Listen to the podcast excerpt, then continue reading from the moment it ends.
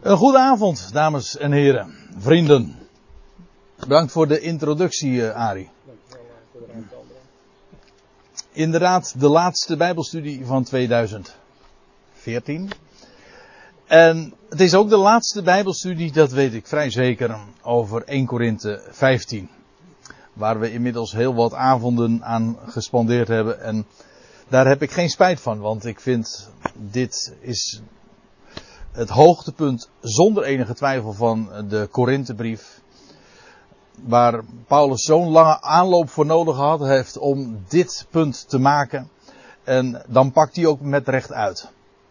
En dat zijn zulke geweldige dingen die hij daarin naar voren brengt.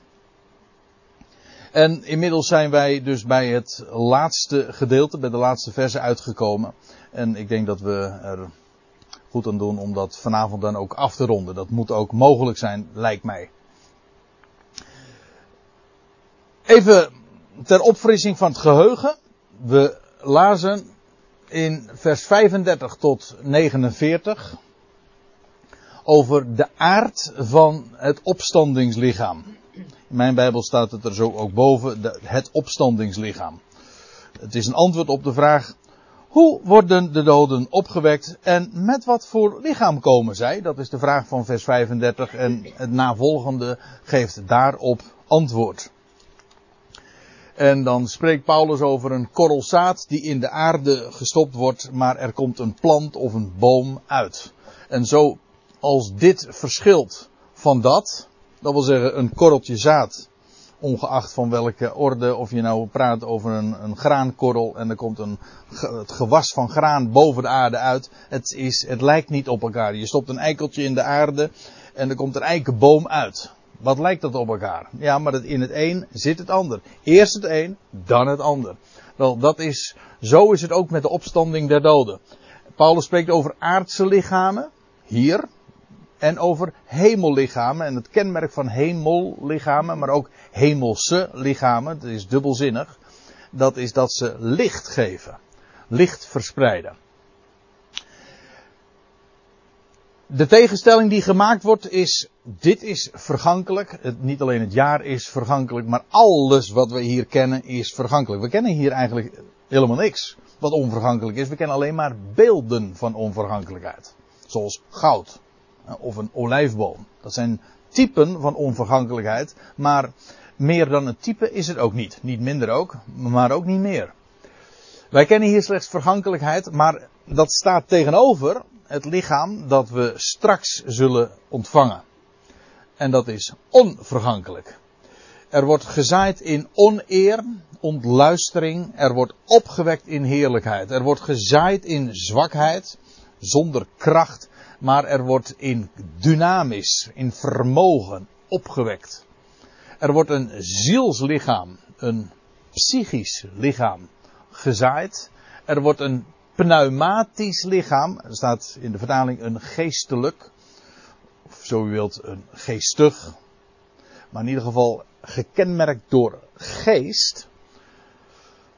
Ziels heeft, houdt verband met bloed, Pneuma houdt verband met dat wat je niet ziet, met adem. En met kracht. En met leven. Want geest en leven zijn ook van die synonieme begrippen. Dus u ziet hier zo een aantal van die, van die woordparen die, waarbij het ene staat voor, het eerste staat voor dit lichamelijk bestaan. En het andere, het tweede, voor het nieuwe lichamelijk bestaan. Daar, over, over deze dingen raak je niet uitgedacht.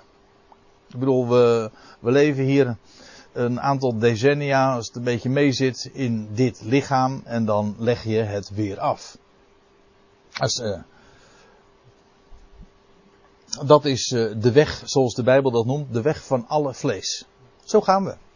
Is, we zijn hier voorbijgangers. We komen in dit lichaam. Het is vergankelijk. Ontluistering. In zwakheid. Ziels. Zielig ook. En, en dan is het over. Dus dit is een stervend bestaan. Wel, het echte leven is leven na de dood. Het antwoord is ja. Want daarvoor is het niet. Daarvoor heet het sterven. Het echte leven, dat is daarna. Nou, dat is zo overweldigend om daarbij stil te staan. Ik bedoel, dit bestaan is slechts zo kortstondig. Maar het echte bestaan, wat, waar geen einde aan komt, dat onvergankelijkheid is en heerlijk, et cetera. Dat is het blijvende. Nou ja, ik bedoel, als je, als je daar, als je dat echt op je laat inwerken, dan, dan, dan denk je bij jezelf, wat tobben we hier eigenlijk nog, hè? Ja. Ja, je moet het meemaken, anders weet je natuurlijk, uh, misschien mag je dat wel in hetzelfde rijtje zeggen. Tobben. Ja. Nou ja, zou, zit dat niet een beetje al hier in dat zielige? Als je niet weet wat tobben is, dan weet je straks ook niet Nee, ja, precies. Ja. Nou ja, daar komen we vanzelf wel achter. Maar, ik vind het wel geweldig. Sorry? de tobben hoeft maar niet te lang te duren. Maar, uh, Nee. Het is hier tobben en daar wordt het tof. ja. En ik vind het zo geweldig om nu al in dit bestaan ook dat pneumatische te kennen. Die geest. Daar komen we trouwens straks nog over te spreken. Dan va- vanaf vers 50, daar hebben we de vorige keer bij, vooral bij stilgestaan. Dat Paulus een geheimenis bekend maakt. Een mysterie, een verborgenheid. En dan zegt hij, niet allen zullen ontslapen. Maar wij allen zullen veranderd worden. Dat wil zeggen, bij de laatste bazuin, de laatste generatie die de parousia van Christus zullen meemaken, die generatie zal niet ontslapen, maar zullen in een punt destijds, in een, in een, hoe stond het, in een ondeelbaar ogenblik, zullen zij veranderd worden, getotale getransformeerd in dit bestaan. En het vergankelijke moet, dat kan niet anders. Het is bindend. Het wordt, ik zeg, ik heb bindend er tussen haakjes gezet, omdat dat het, het Griekse woord voor moeten eigenlijk ook is. Het is bindend, het kan niet anders. Het vergankelijke moet onvergankelijkheid aandoen. Zoals een, eh, als een kleed dat wordt aangetrokken.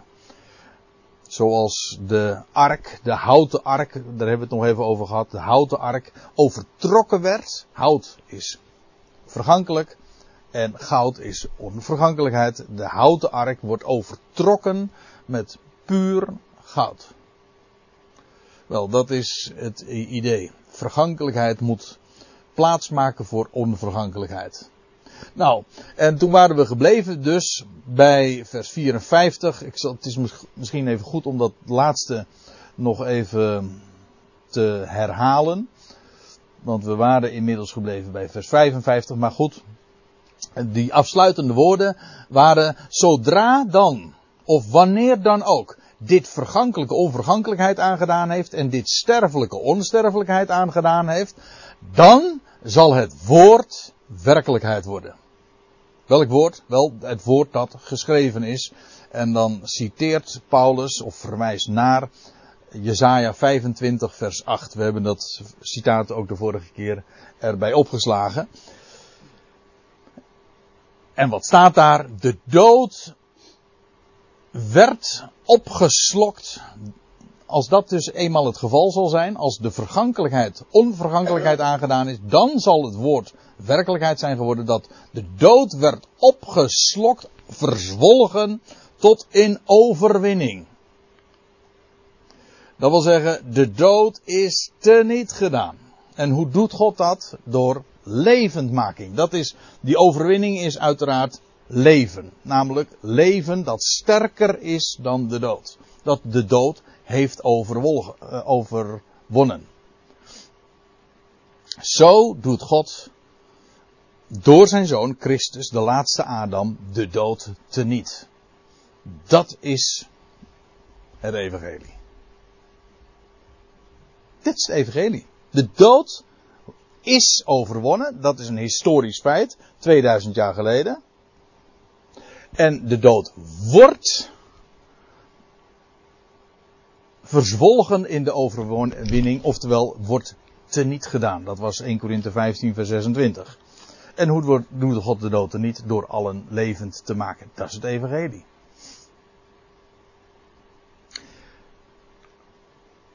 En dan te bedenken dat dit het evangelie is. En, maar ook, we hadden het zojuist zo over, over kerken. En we willen natuurlijk niet negatief doen, maar je hebt soms ook contrast nodig om je bewust te zijn van de rijkdom van het goede bericht. Ja, dat is toch zo? Deze boodschap, dat de dood er niet gedaan wordt, hoe simpel kan het zijn? Namelijk dat God allen levend gaat maken. Ieder in zijn eigen rangorde, dat wel. Maar het feit staat. Die boodschap wordt ontkend.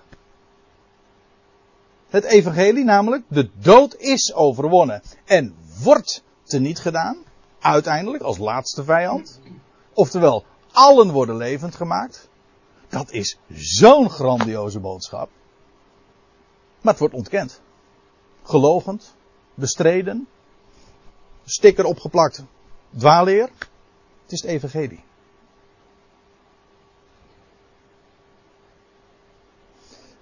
We komen ook daar nog even over te spreken, zeker. Maar even dit gezegd hebbend. Paulus gaat dan nog verder, want het is een, een geweldige uitroep natuurlijk. Hè. Wat zal dat werkelijk zijn? De dood is verzwolgen in de overwinning. Dood, waar is uw overwinning?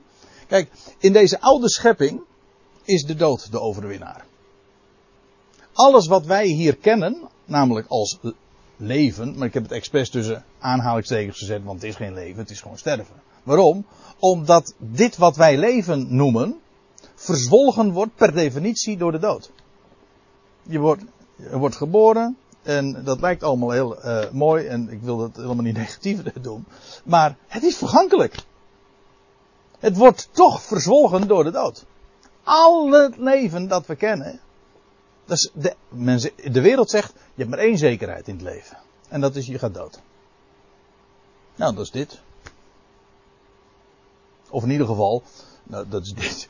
Eigenlijk uh, wijs ik nu uh, verkeerd, want Paulus uh, wijst juist hier op het contrast. Maar ik, ik, het gaat mij er even om. In deze oude schepping wordt het leven, tussen aanhalingstekens, verzwolgen door de dood. Onherroepelijk. Nou, het evangelie is de boodschap dat de dood wordt verzwolgen in de overwinning in het leven. Maar dan is dat in, dan praten we over leven dat echt het waard is om leven genoemd te worden. Daarom zeg ik uh, graag altijd leven met allemaal hoofdletters, vet gedrukt. Met een hele rits van uh, uitroeptekens daarachter. Want dat is leven. Namelijk in onvergankelijkheid, in heerlijkheid en in kracht. Pneumatisch. Wat een contrast. En het grote probleem van deze wereld is van ja, de dood. Alle, aan alles komt een eind en, en, en, en we zitten in dat proces met alles wat dat met zich meebrengt van ontluistering en dat is het probleem. Het evangelie is de boodschap. De dood is overwonnen en zal niet gedaan worden. En daar hoef je geen uh, studiebol voor te zijn of een academicus of je geen opleiding voor gevolgd te hebben. Ieder mens begrijpt, dat is evangelie. Dat is echt een blijde tijding. En dit is, en dat is het geweldige, dit is maar niet een mooi verhaal. Dit is geschiedenis. Dit is een historisch feit.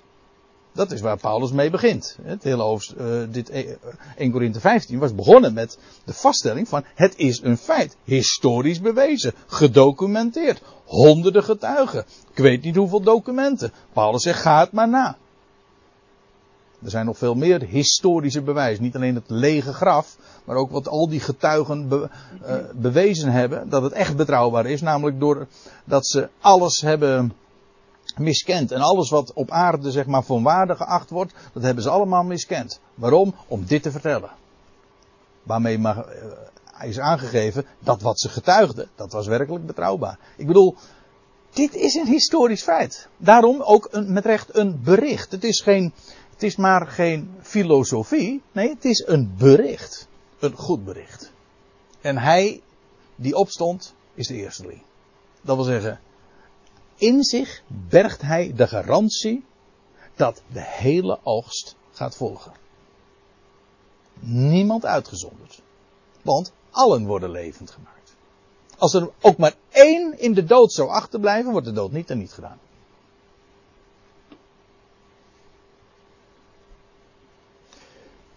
Dood, waar is uw overwinning?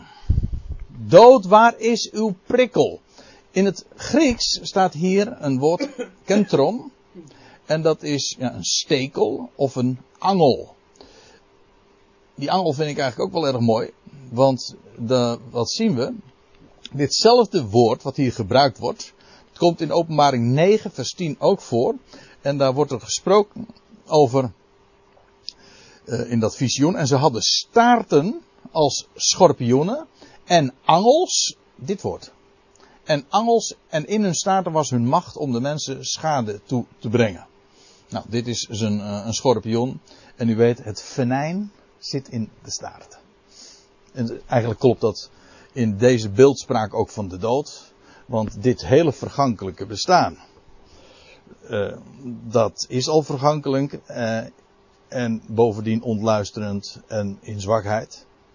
Maar het venijn zit hem in de staart, dat wil zeggen aan het eind. Want dan ga je echt dood.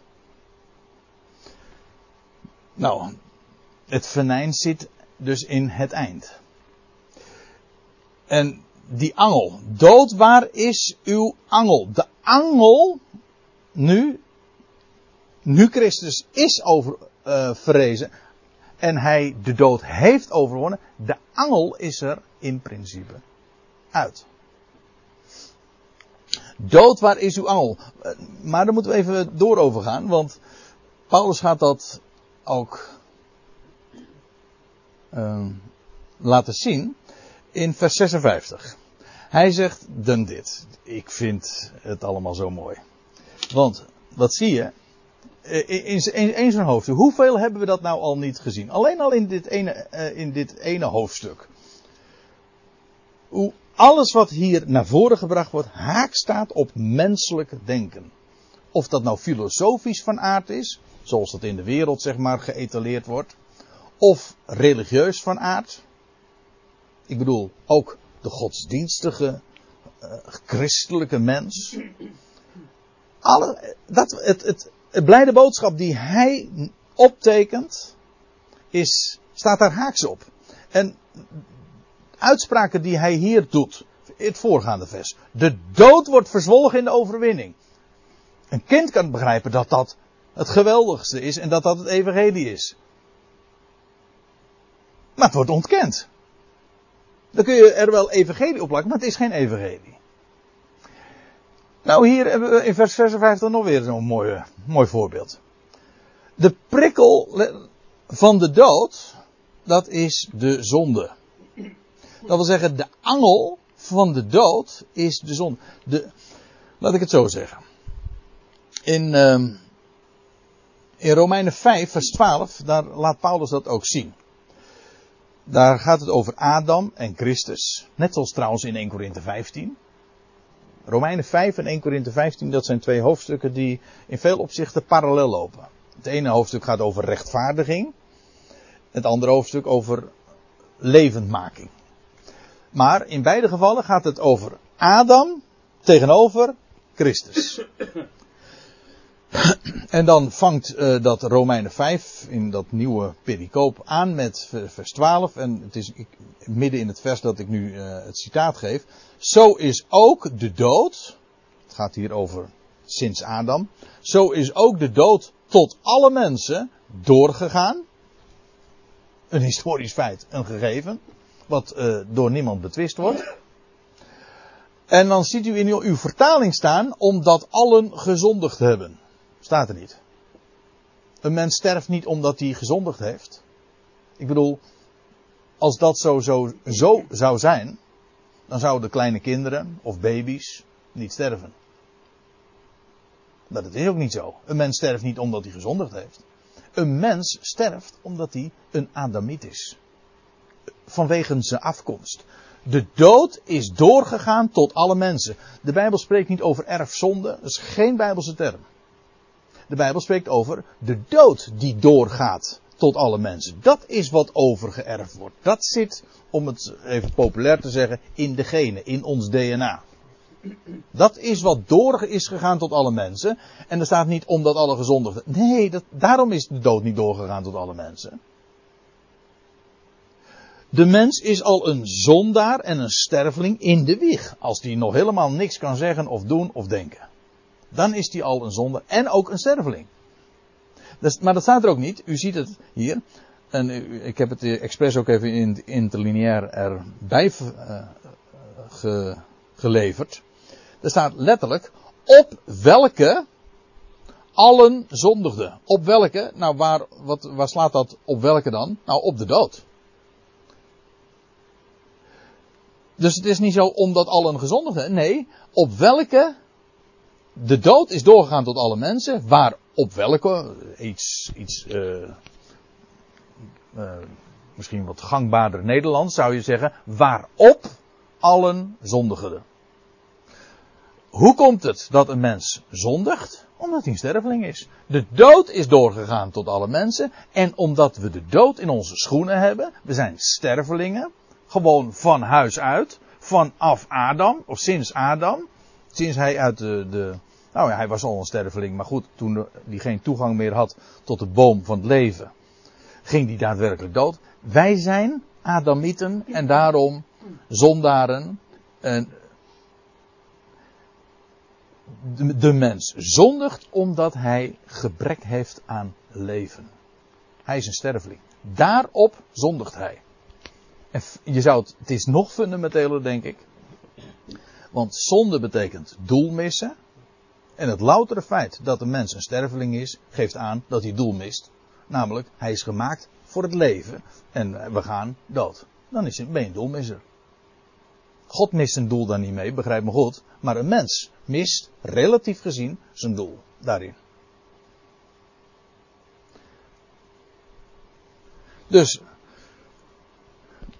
de angel van de dood, de angel van de dood is de zonde. Dat wil zeggen, zeg ik het nou goed? De angel van de dood is de zonde, ja.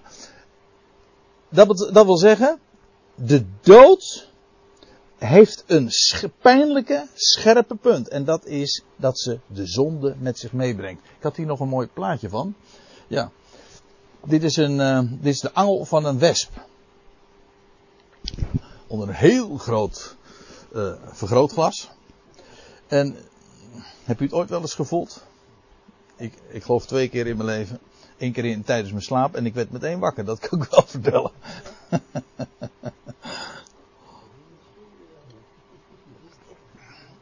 Ja, voor sommige mensen is dit zelfs uh, dodelijk, ja.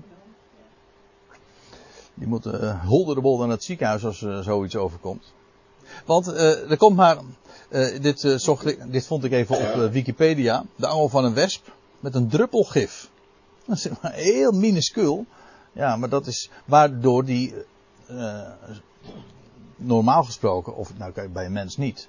Nou ja, dan legt hij wel behoorlijk lam hoor maar in ieder geval in andere slachtoffertjes, die wat kleiner zijn, die verlamt hij met recht dus. Dus uh, het is uh, killing, dodelijk gif.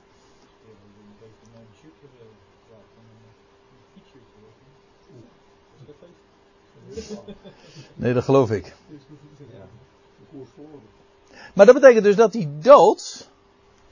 Dit is de angel. De angel van de, de, de de angel van de dood is de zonde. De dood heeft dodelijk, de, de, de dood heeft gif in zich, venijnig gif, en dat is de zonde. Het injecteert de mens ook met zonde. Omdat hij een sterveling is, is hij ook een zondaar. De angel van de dood is de zonde. Dus de, die dood brengt de zonde teweeg. Dat is die pijnlijke scherpe punt van de dood.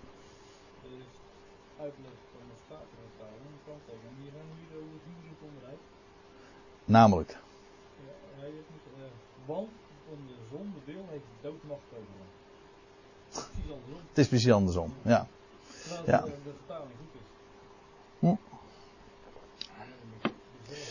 Dat zijn de kanttekeningen. Maar de, het staat er duidelijk. De angel van de dood is de zonde.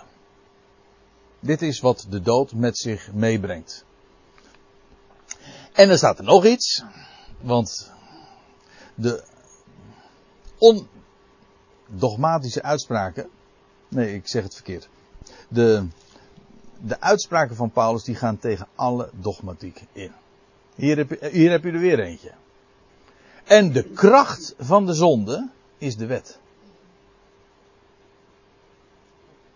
Ja, dat staat er. De kracht van de zonde is de wet. En ik denk wel eens, de mensen in de wereld, die weten dat veel beter dan christenen.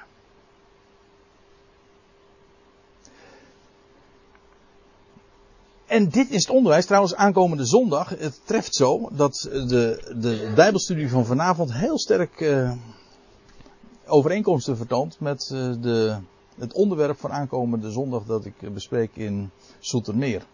Hoe dat zo komt, weet ik eigenlijk niet. Uh, ik, ja, over. ja. Dat kan niet anders, hè? Niet onder. Nou ja, ik, het was de vorige keer dat ik het in Soetermeer had over uh, Sabbat en zondag. Nu eigenlijk wat breder getrokken. Niet onder de wet, maar onder de genade. En nou, dat wil ik wat uh, nader uiteenzetten. Nou, we hebben het er nu dus ook over. Maar dan kom je onmiskenbaar ook op het leven uit. En de genade. En. Maar ook dus de wet. Nou, hier heb je zo'n uitspraak.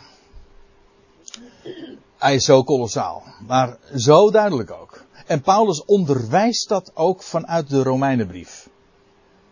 Dat als je de zonde wil bekrachtigen, u ziet hier eh, de, de kracht of de macht, in het Grieks staat daar dus dat woord wat we nu al vaker hebben overwogen, de dynamis. Dat wat de zonde vermogen geeft, bekrachtigt. Hoe komt dat? Hoe wordt de zonde bekrachtigd? Door wet. De wet. Gewoon door het principe van wet in het algemeen. Door te zeggen tegen de mens wat hij moet doen of niet moet doen. Vooral niet moet doen. Je zult niet. Ik zal het u laten zien. Romeinen 25. Dan lees je dit. Weer Romeinen 5. De wet is erbij gekomen, zegt Paulus. Die was er niet vanaf Adam, hè? Dat, dat denken mensen dan. Alsof de, de wet, dan lezen ze de tien geboden voor en zeggen van ja, dat is de, eh, de leefregel die God heeft gegeven aan de mensheid. Nou, dat is, dat is leuterkoek. Want ja, heel simpel. Want die wet werd pas 2500 jaar na Adam gegeven op de berg Sinai. Niet aan de mensheid, maar aan één volk dat God juist had afgezonderd van de mensheid. Aan dat volk. Voor een specifieke tijd ook. Tot het beloofde zaad zou komen. De wet is erbij gekomen. Duizenden jaren later. En dan zeggen mensen, dus dit, is, dit is het eerste al. Dit is, het eerste alweer wat haak staat op de dogmatiek die ervan uitgaat dat de wet een algemene leefregel is voor de hele mensheid. Dat is niet waar. De wet is erbij gekomen. Maar dan deze dan zeggen ze, ja, de wet is, uh, is de wet heeft, is uh, door God aan de mens, gege de mens gegeven, opdat de zonde zou worden ingedampt. Nee, zegt Paulus, de wet is erbij gekomen, en dan staat er in de vertaling, zodat de overtreding toenam. Dit is de MBG-vertaling trouwens. Dit zou suggereren van, nou ja, goed, het effect ervan dat, was dat de zonde eh, toenam. Maar het staat er nog veel sterker. Het is niet alleen maar zodat de overtreding toenam. Er staat opdat de zonde of de misstap, de overtreding, de misstap, nou dat laat ik nu maar even voor wat het is. Maar opdat de misstap, de overtreding zou toenemen. Opdat de wet, waarom gaf God de wet? Opdat de overtreding minder zou worden, of dat de, dat de mensen minder misstappen zou begaan. Nee, in tegendeel, de zonde, opdat de zonde zou, de misstap, de overtreding, zou toenemen. Daarom. En dit bevestigt dus wat Paulus in 1 Korinthe 15 vers 56 zegt, namelijk de kracht van de zonde is de wet. De wet bekrachtigt de zonde. En dan zegt Paulus er nog bij, trouwens, in Romeinen 25, waar evenwel de zonde toenam, daar is de genade meer dan overvloedig geworden. Ook hier zie je weer dat, dat principe dat God altijd toepast en gebruikt, namelijk dat van contrast. De zonde was er. Hij wilde de zonde nog meer doen laten toenemen. Gaf daarom de wet. Niet opdat de, wet, de zonde minder zou worden. Nee, opdat de zonde zou toenemen. Daarom. Maar was dat dan het einddoel van God? Dat de zonde zou toenemen? Nee, nee, nee, nee. Wacht even. Dat is alleen nog maar de donkere achtergrond. Het contrast. Waar evenwel de zonde toenam, is de genade meer dan overvloedig geworden. Wat God wilde, is dat laatste. Namelijk de overvloed van zijn genade betonen. Daarom is de zonde in de wereld gekomen. Daarom heeft God zelfs de wet gegeven opdat de zonde zou toenemen. Ja, dit, terwijl ik het zeg, denk ik van ja, dit, dit, dit is evident, dit is duidelijk, zo, zo onderwijst Paulus dat. Maar, ja, waar, wordt dit verteld? Ik uh, het wordt alom ontkend over, waarom de wet is gegeven. De wet is de kracht der zonde. Ik heb er nog één, Romeinen 7.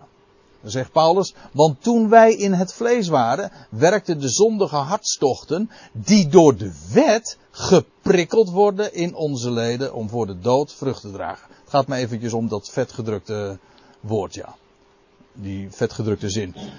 De zondige hartstochten die door de wet geprikkeld worden. In dat laatste, in hetzelfde Romeinen 7 zegt Paulus ook van dat uh, de zonde begon te leven toen, zij, toen God zei van, gij zult niet begeren. dat heb je altijd. Hè? Je mag niet denken aan dit. Of je mag, niet doen, je mag dit niet doen. Wat gebeurt er? Je wordt op een idee gebracht. Ik had juist vandaag nog een gesprekje met een vrouw die had. nou ja, uh, waar ging het over? Het ging over lijnen, ja. Uh, maar het kwam er eigenlijk op neer dat uh, hoe meer je. Hoe, meer je denkt van, oh dat mag ik niet nemen. Hoe, zegt eigenlijk denk ik alleen nog maar aan eten. Ik heb mezelf de wet opgelegd. Van ik mag niet eten. Of ik mag niet snoepen. En waar denk je aan? Alleen nog maar aan snoepen. Nou, dat is zoals de wet werkt. Overigens, ik zeg daarmee dus uitdrukkelijk niet, en dat zegt Paulus ook, want hij, hij, hij, hij corrigeert niet zichzelf, maar hij zegt er wel even ter, ten overvloede bij, dat betekent niet dat die wet fout is. De wet is rechtvaardig, heilig en goed. Dat is het punt niet. Maar het gaat even om de werking van de wet. De werking van de wet is dat het de zonde bekrachtigt. Gewoon in, voor dit vlees heeft het die werking. Denk niet aan blauw. Je mag niet aan blauw denken. Je mag nu aan alles denken behalve aan blauw. Ja, hoe werkt dat? En hoe is de zonde in de wereld gekomen?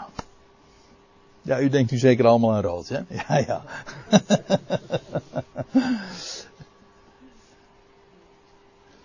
maar hoe is de zonde in de wereld gekomen?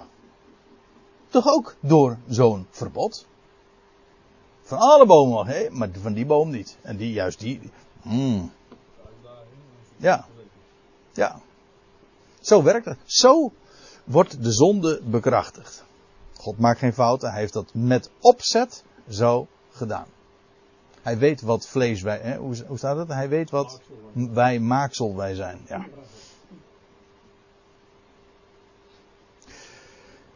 Goed. Nou, en nou komen we. Dit was de wet. Over de kracht van de zonde is de wet. Maar Gode zij dank. Ziet u trouwens dat hier het woordje charis staat? Charis, dat is genade. Gode zij genade. Ja, ik heb die verwijzing naar Romeinen 7 vers 25. Dat is ook Romeinen 7 weer.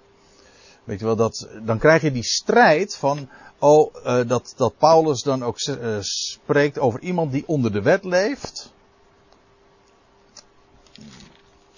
Ik heb er geen diaatje van, dus ik moet het eventjes opzoeken. Dat, dat, we hadden het over Tobbe. Wel, een, uh, een strijd die wordt beschreven in Romeinen 7. Want ik ben echter vlees verkocht onder de zonde. Vers 14 van Romeinen 7. Wat ik, want wat ik uitwerk weet ik niet. Wat ik doe, dat, want, ik, want niet wat ik doe, pardon, wat, want ik doe niet wat ik wens, maar waar ik een afkeer van heb, dat doe ik. Indien nu wat ik niet wens toch doe, dan stem ik toe dat de wet goed is. Maar dan werk, bewerk ik het niet meer, maar de zonde die in mij woont. Ik weet dat in mij, dat wil zeggen mijn vlees, geen goed woont. Immers het wensen is wel bij mij aanwezig, maar het goede uitwerken kan ik niet. Want niet wat ik wens, het goede doe ik, maar wat ik niet wens, het kwade, dat doe ik. Nou, dat, dat vermoeien. En dan gaat nog even verder, maar dan zegt hij. Naar de inwendige mens verlustig ik mij in de wet Gods, maar in mijn leden zie ik een andere wet die strijd voert tegen de wet van mijn verstand en mij tot krijgsgevangene maakt van de wet der zonde die in mijn leden is. Ik ellendig mens. Wie of wat zal mij verlossen uit het lichaam? Uit dit vergankelijk, sterfelijk lichaam. Uh, pardon, uit het, uit, ja, zo staat het ook. Uit, wie zal mij verlossen uit het lichaam des, deze doods? Van, van de dood. Dit is het lichaam van de dood. En dan krijg je het antwoord. Gode zij dank. Er is eigenlijk in het Grieks nog een, een, het woord genade tussen. Genade. En dan Gode zij dank. Door Jezus Christus, onze Heer. Kijk, zolang een mens stopt en strijd voert en denkt van ik moet dit doen ik of ik mag dat niet doen, dan krijg je die strijd van Romeinen 7. En dan blijkt, dan moet een mens gewoon tot de conclusie komen, wie zal mij verlossen? Ik, ik kan niet, niet. Ik ben niet in staat tot. De wet eist van, een, van het vlees dat niet kan.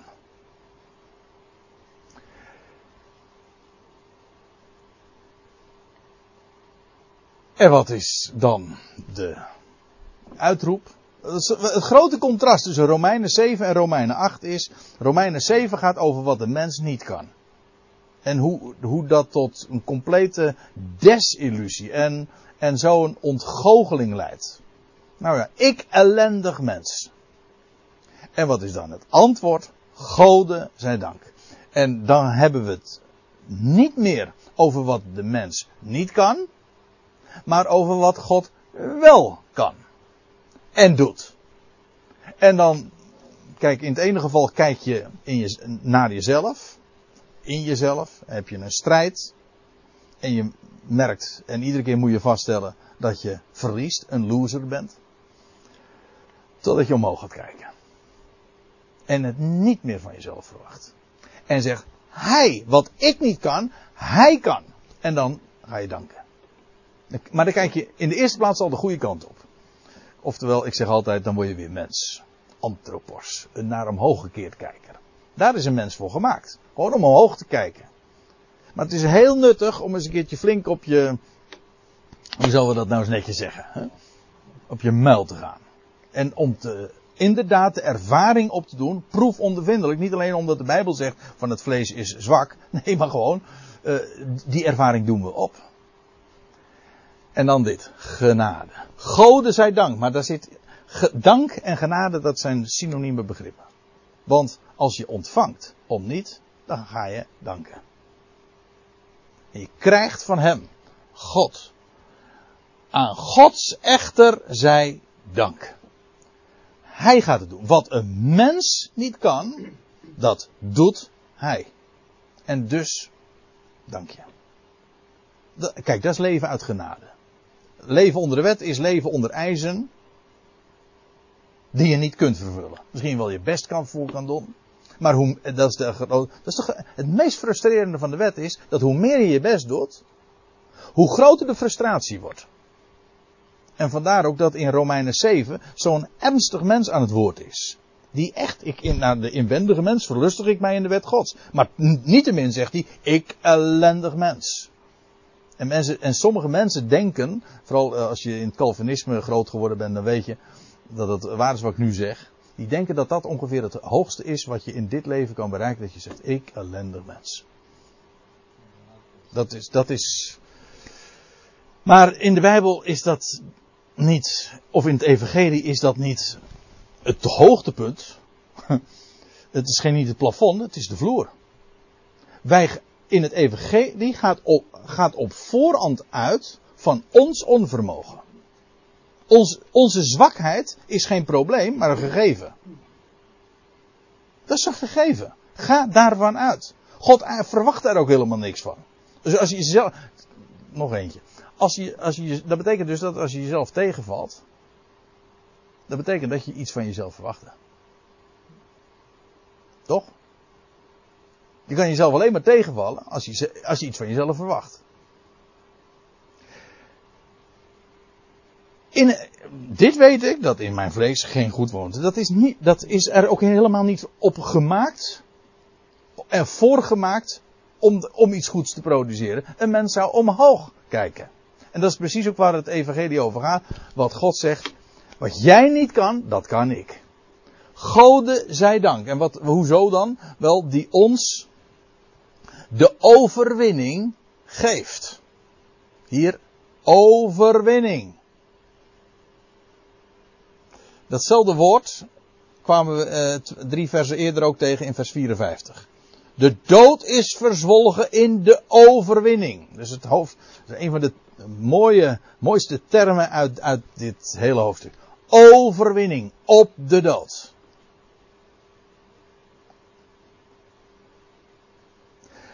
Hij, en dan, hij geeft die overwinning. En nou wil ik u even wijzen op het, de werkwoordsvorm of de tijdsvorm. Daar staat namelijk in de tegenwoordige tijd. Letterlijk staat er eh, zo'n verticaal streepje, staat gevende. Dat wil zeggen, is gevende. Niet, uh, ik las in de studiebijbel, ik heb zo'n hele grote, uh, zo'n lange serie. In de studiebijbel staan, staan hele mooie dingen in als het gaat over de interlineair, maar de commentaren mensen. Er staat bijvoorbeeld, er staat hier, uh, er staat hier in de tegenwoordige tijd, maar Paulus bedoelt de toekomst. Denk je, nou, ja, als je erover nadenkt en zodra je het gaat commentariëren, dan denk je van, wat, wat is dit voor onzin zeg. Dus Paulus zou niet in staat zijn om te vertellen, om te zeggen wat hij bedoelt. Het Grieks kent hele verfijnde tijdsvormen en, en er staat hier in de tegenwoordige tijd. Dus hij zegt niet, die ons de overwinning zal geven. Nee, die ons de overwinning is gevende. Hij geeft ons die overwinning.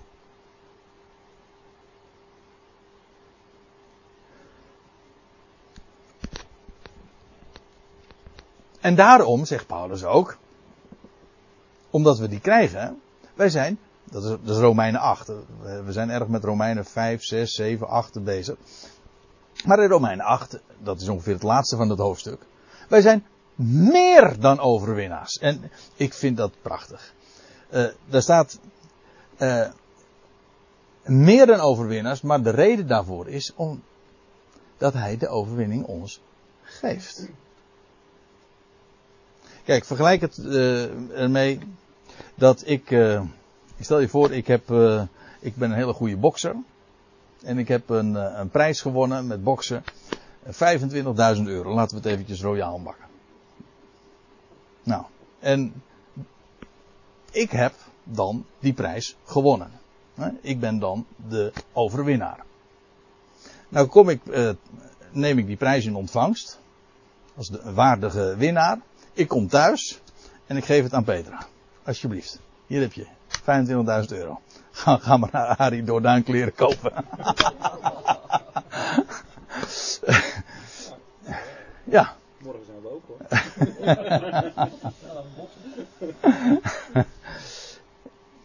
Dan is Petra meer dan een overwinnaar. Ik heb de strijd gestreden. Ja, ik, ik, moet lachen terwijl ik het zeg, maar goed, uh, even, u begrijpt het beeld. Ik heb de strijd gestreden, maar zij krijgt de prijs daarvoor. Nou, dan ben je meer dan een overwinnaar. Zij, en dat is het enige. Ik, ik, uh, ik aarzel altijd om, om zoiets dan te zeggen. Maar het is het enige waarin wij meer zijn dan de Heer. De Heer is de overwinnaar. Hij heeft de strijd gestreden. Wij zijn meer dan overwinnaars. Want Hij heeft de prijs behaald. En hij geeft het zomaar om niet aan ons. Dan zijn we meer dan overwinnaars. Wel, wij delen in zijn overwinning, terwijl hij de strijd gestreden heeft. Dan ben je meer dan overwinnaar. Daarom staat er ook in, uh, in hetzelfde Romeinen 8, want de, de zin gaat verder. Wij zijn meer dan overwinnaars door Hem die ons heeft liefgehad. Ons, die ons lief heeft, aorist. Die ons lief heeft. Door Hem.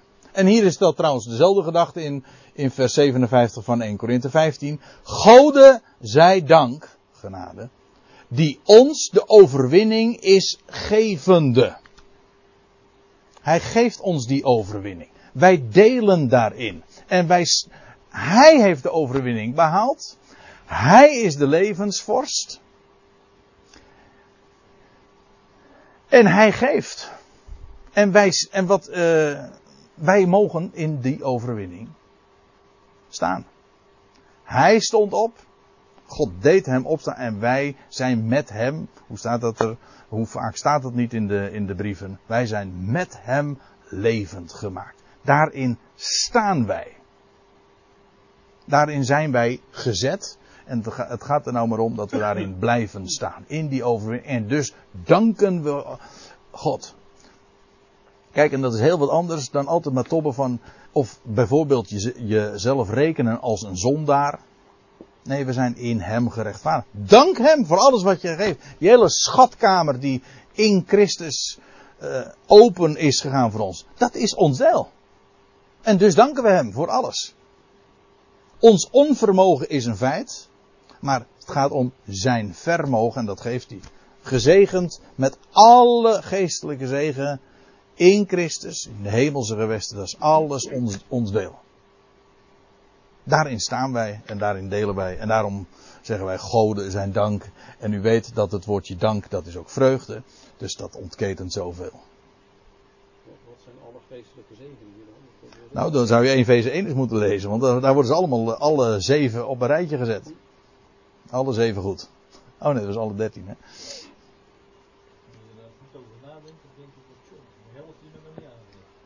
Nou, nou, eigenlijk, het is ons wel aangezegd. Maar het, het wordt allerwege verzwegen. Of we geloven het niet echt. Dit is, zoals iemand zei, te mooi om waar te zijn. ja, ik, ik denk dat we daar geen verstand van kunnen. Ik denk wel, het is te mooi om niet waar te zijn. het is, ik vind het juist zo mooi dat het waar is. Het- dat is het allermooiste. Het is waar. Ja. En dat is een, een leven dus van vreugde en ja, van zijn vermogen. En in dit, in dit vergankelijke bestaan, en dat bedoelde ik eh, zojuist al, eh, hadden we het even aan het begin erover. Dit is een, een tobbend bestaan natuurlijk. Maar als je deze boodschap van, dit, deze boodschap van leven kent, ja, dan, dan leef je hier al. Hè? Dan heeft ons bestaan inhoud gekregen. Dan sta je in die overwinning en ja, dan heb je ook in een donkere wereld, heb je ook. Eh, Hè? Dan reduceert dit bestaan tot de futiliteit dat voorbij eh. Ja, Maar, en eh, wij hebben het hoofd omhoog. En eh, we zien het leven en het beste. En... Ja, en daarom eh, nog e- misschien nog eventjes vers 57 af te ronden. Want hè, we gaan wel eh, ergens.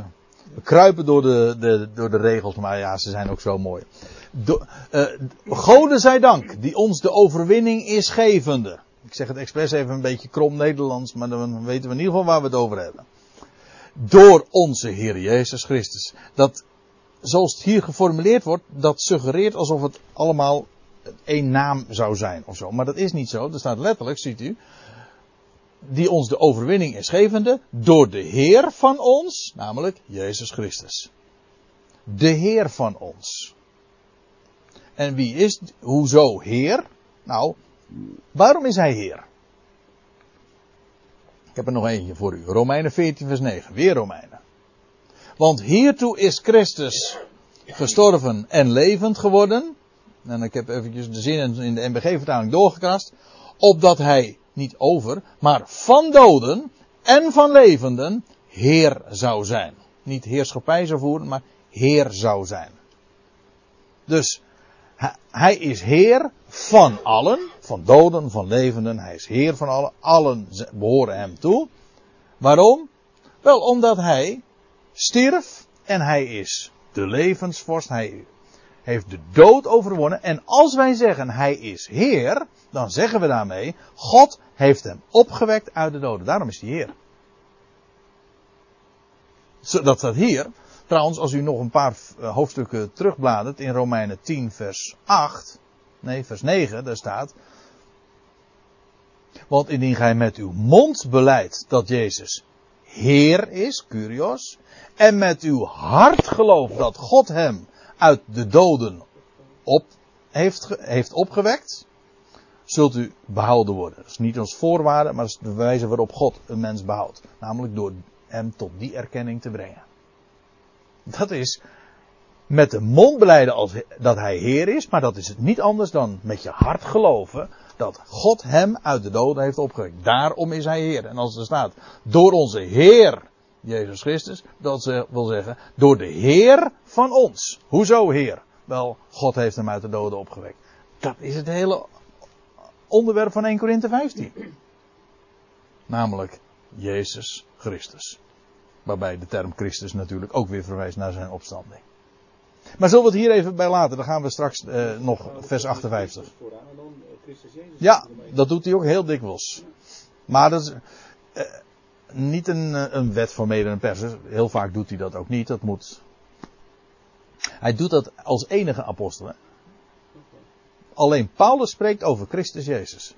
Ja, niet altijd, zoals hier ook niet. Maar eh, de, term, de term Christus Jezus komt, als ik me niet vergis, 7 of 98 keer voor in het Nieuwe Testament en altijd van Paulus. Dat vind je niet bij Jacobus, niet bij Petrus, Johannes, alleen bij Paulus. Christus Jezus.